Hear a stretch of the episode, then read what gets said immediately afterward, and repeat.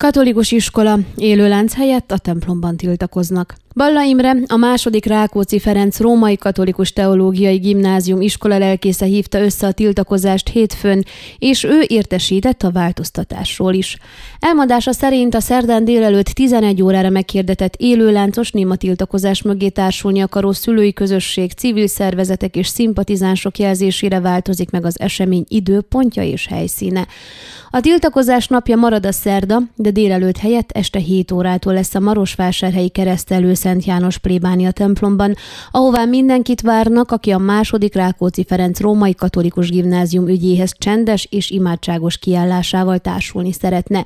Egyébként éppen szerdán kellett volna megtartani a katolikus iskola teológiai osztályába az alkalmassági vizsgát, amely előfeltétele annak, hogy a teológiai osztályba iratkozzanak majd a diákok.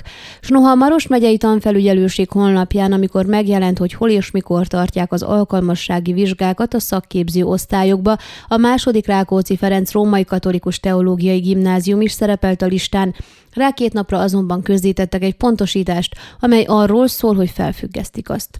A teológiai osztályba készülők így nem tudnak szerdán alkalmassági vizsgát tenni a Rákóciban, azonban le fogják tenni azt a Székelyudvarhelyi Tamás Járon gimnázium helyszínén, derül ki az iskola lelkész tájékoztatásából.